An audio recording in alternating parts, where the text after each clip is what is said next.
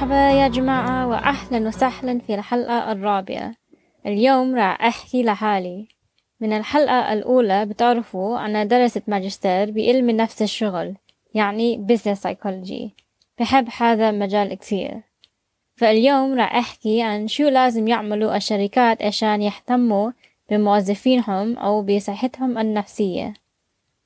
لسه عشان بوباء كورونا وبيأثر على حياتنا بطرق مختلفة. بإنجلترا إحنا خلصنا إغلاق تقريبا ومؤخرا الحكومة خففت الإجراءات وشوي شوي عم نرجع للوضع الطبيعي بس في كثير إشياء لازم نفكر فيها مثلا الرجوع على الشغل.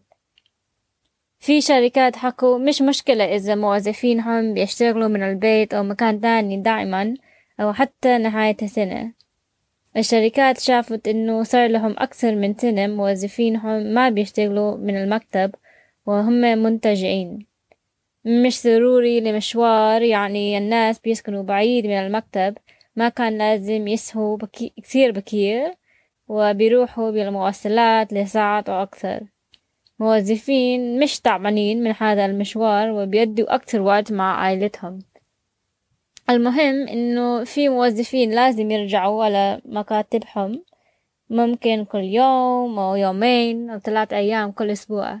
حتى لو يوم واحد كتير مهم للشركات بيفكروا بالصحة النفسية لموظفينهم.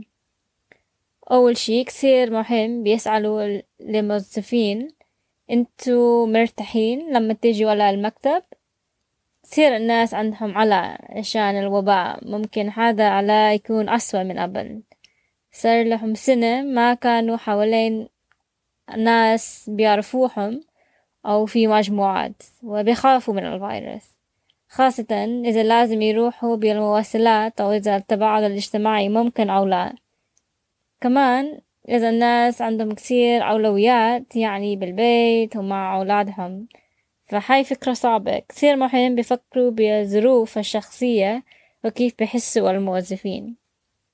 تاني شي ممكن الناس اللي بيسكنوا لحالهم وبيفضلوا يروحوا على المكتب فبيحكوا مع الناس وجه لوجه. ثالث شي مهم للشركات بيحطوا إرشادات السلامة مثلا إجراءات التباعد الاجتماعي مثلا إنه ما يكون كثير ناس بنفس الغرفة بنفس الوقت. وكمان يكون في معقم موجود بكل بكل مكتب. هاي الفكرة راح تساعد موظفيهم يكون عندهم أمان بالشغل. أهم شي بيعطوهم خيار يشتغلوا من البيت أو يشتغلوا من مكان تاني أو يدموهم شو ما اختاروا. وكمان المضارب يعملوا مناقشة مفتوحة مع الموظفين. وبيفهموا أكثر إذا موظفينهم بيحتاجوا أي إشي عشان يكونوا مرتاحين أكثر. شكرا كثير لاستماع مع السلامة.